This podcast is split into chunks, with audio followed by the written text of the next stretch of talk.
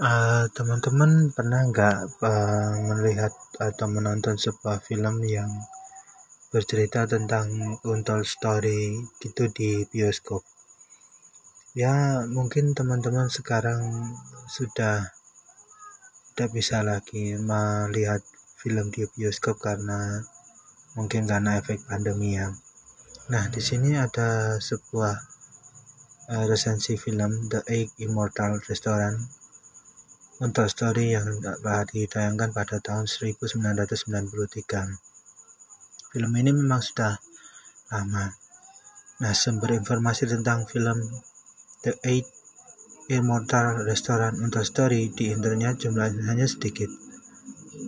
Rata informasi yang tampil memberitahu bahwa film ini berdasarkan kisah nyata yang terjadi di Makau pada tahun 1985. Jadi bisa dibilang ini adalah film berdasarkan real events. Tapi saya beranggapan bahwa film berdasarkan real event itu hanya sekedar strategi pemasaran agar penonton penasaran dan rame-rame menonton film yang entah benar entah hoax. Marketing gimmick model penonton. Penonton yang penasaran adalah gudang uang diterapkan di film ini. Sedianius marketing pemasaran gelang power balance yang gak ada faedahnya, hasilnya sama, konsumen tertipu dan keuntungannya melimpah. Nah, judul asli film ini adalah Bandman, namun internasional internasional titelnya adalah The Eight Immortal Restaurant Untold Story. Ceritanya begini. Ceritanya berkisah tentang Wong Chi-hang, Anthony Wong, seorang pelarian yang kabur ke Hong Kong setelah melakukan pembunuhan di Macau. Untungnya, Wong lari ke Hong Kong bukan ke Indonesia. Ada saja Wong masuk Indonesia, maka dapat dipastikan dia dicurigai sebagai tenaga kerja asing ilegal. Kayak sekarang, why? Kaburnya Wong ke Hong Kong itu disebabkan karena aksi kejahatan pembunuhan yang dia lakukan. Reputasi Wong dalam melakukan pembunuhan di Makau ini masuk dalam kategori ketagihan. Wong membunuh sebanyak, sebanyak AVP. Mengkonsumsi narkotika sebelum naik ke DJ Jax di Ibiza. Saat berada di Hong Kong, Wong berdalih ingin bertobat dan melupakan kejahatan di masa lalu. Bukannya mencari guru agama dan mulai breaking soal moral di Facebook. Oh, iya, saya lupa. Tahun ini belum ada Facebook ding ya. Wong malah memutuskan untuk bekerja di sebuah restoran. Bersamaan dengan keberadaan Wong di daerah bekas jajahan Inggris, Tiba-tiba saja muncul kejadian penemuan bekas tindak kejahatan berupa telulang belulang dan potongan tubuh manusia di sebuah pantai.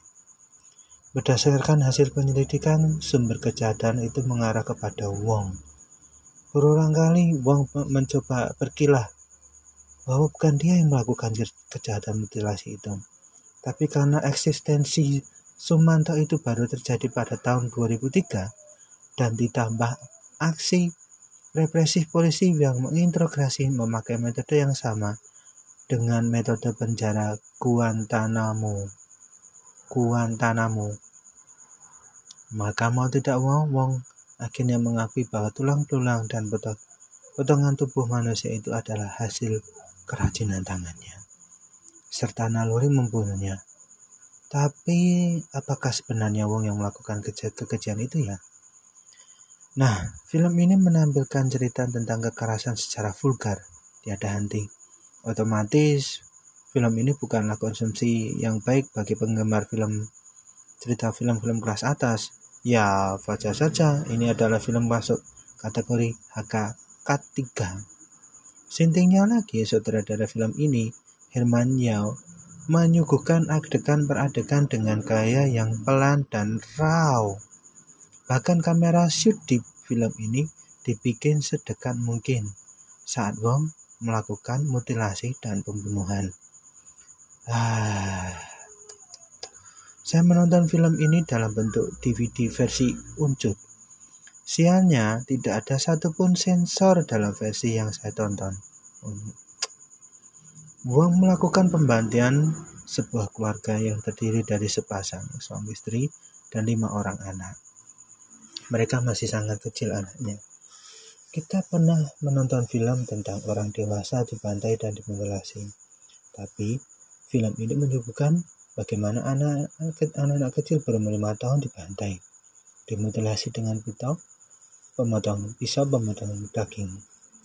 Adegan Wong memenggal kepala malah dipertontonkan secara on screen. Tidak hanya berhenti di situ, Wong kemudian memisahkan daging hasil mutilasi itu untuk dibuang daging cincang.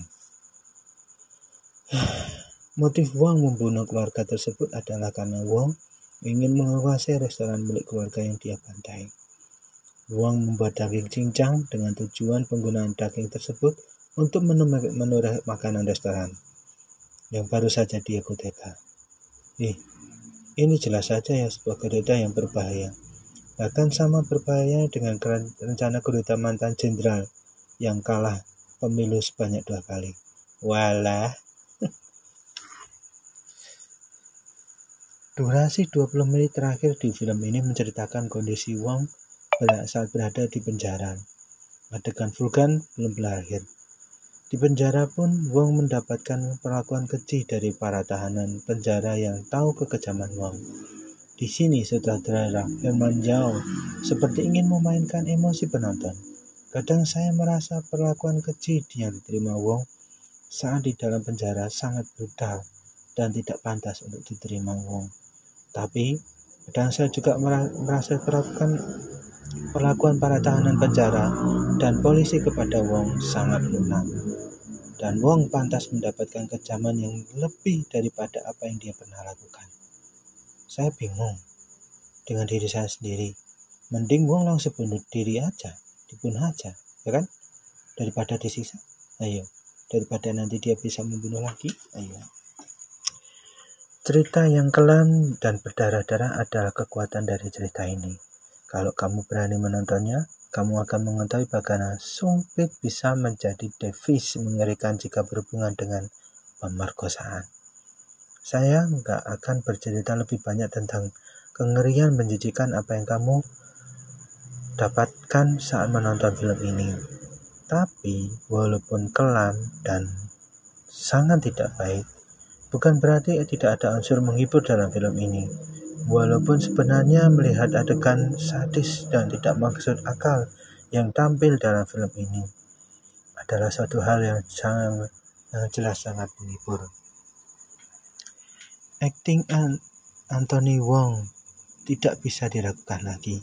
Dia sukses memerankan seorang psikopat sekaligus pembunuh sadis yang akhirnya saya akui bahwa dia telah meredefinisi pemakaian pisau pemotong daging sebagai alat penebar teror. Kapan pun kita ingat bahwa sebuah alat sederhana bisa menjadi penebar teror. Mungkin cuma Jason Voorhees yang bisa mengubah sepatu Hoki S sebagai alat pembunuh. Tapi nyatanya, Anthony Wong berhasil membuat pisau pemotong daging sebagai alat yang menakutkan. Wajar kalau kemudian Anthony Wong diganjar dengan penghargaan sebagai antar terbaik lewat film ini. Walaupun begitu, film ini masih menampilkan sisi komedi dengan kategori goofy komedi yang ditawarkan oleh Herman Yao. Ingat ya, goofy komedi itu bukan horror komedi, tapi seperti film Dead Alive. Kalau di film Dead Alive, kamu masih bisa tertawa melihat kepala dipenggal. Di film ini adegan disturbing memang bikin sangat mengganggu. Goofy Megodi yang saya maksudkan di sini adalah saat adegan yang melibatkan anggota kepolisian terjadi. Herman Yao laki-laki dengan cerdas menjadikan kinerja kepolisian sebagai sebuah komedi. Nah lo, tapi pada kitanya polisi memang sebuah komedi, komedi yang buruk. Eh, hati-hati, nanti bisa ketangkep kamu. Saya tidak merekomendasikan kamu untuk menonton film ini. Maaf lipetan. Kalau kamu tidak kuat dengan film bertema kekerasan yang vulgar dan menjijikan, lebih baik tidak usah menonton film ini. Paling nonton SpongeBob atau Patrick atau mungkin ah ya mungkin tidak harus seperti ini. Tapi jangan salahkan kalau saya kamu ternyata nekat. Ingat ya, kucing nekat bisa le biasanya mati lebih cepat. Biarpun begitu, nggak tahu kenal, kenapa saya menganggap film ini layak untuk dinikmati. Tak sebagus film kanibal berjudul Dumpling. Tapi lumayanlah untuk ditonton sebelum makan jenis restoran yang ada di sebelah sini. Tapi ya 20 menit lah makan. Pramusajinya bilang, Waktu makan Anda 5 menit dimulai dari sekarang. Waduh, tamplok banget sisan. Oke, itulah sebuah resensi film yang mungkin membuat kita sedikit agak bertanya tentang Anthony Wong ini. Dia membunuh dan laki-laki sutradara Herman menjadikan kinerja kepolisian sebagai sebuah komedi. Apakah benar seperti itu? Atau mungkin teman-teman punya satu hal yang oh enggak kinerja polisi itu bagus. Ya memang bagus, tapi sering kali seperti komedi. Ya memang seperti komedi. Atau mungkin uh, Herman Yo ini cuma ya pengen menampilkan sisi dengan kepolosan para kepolisian yang terjadi di negara kita oh di Cina maksudnya? Bukan di negara kita negara kita lah bagus-bagus semua. Nggak ada yang jelek wah nanti saya takut ditangkap lah. Oke teman-teman sekian. Terima kasih. Selamat malam selamat beristirahat. Thank you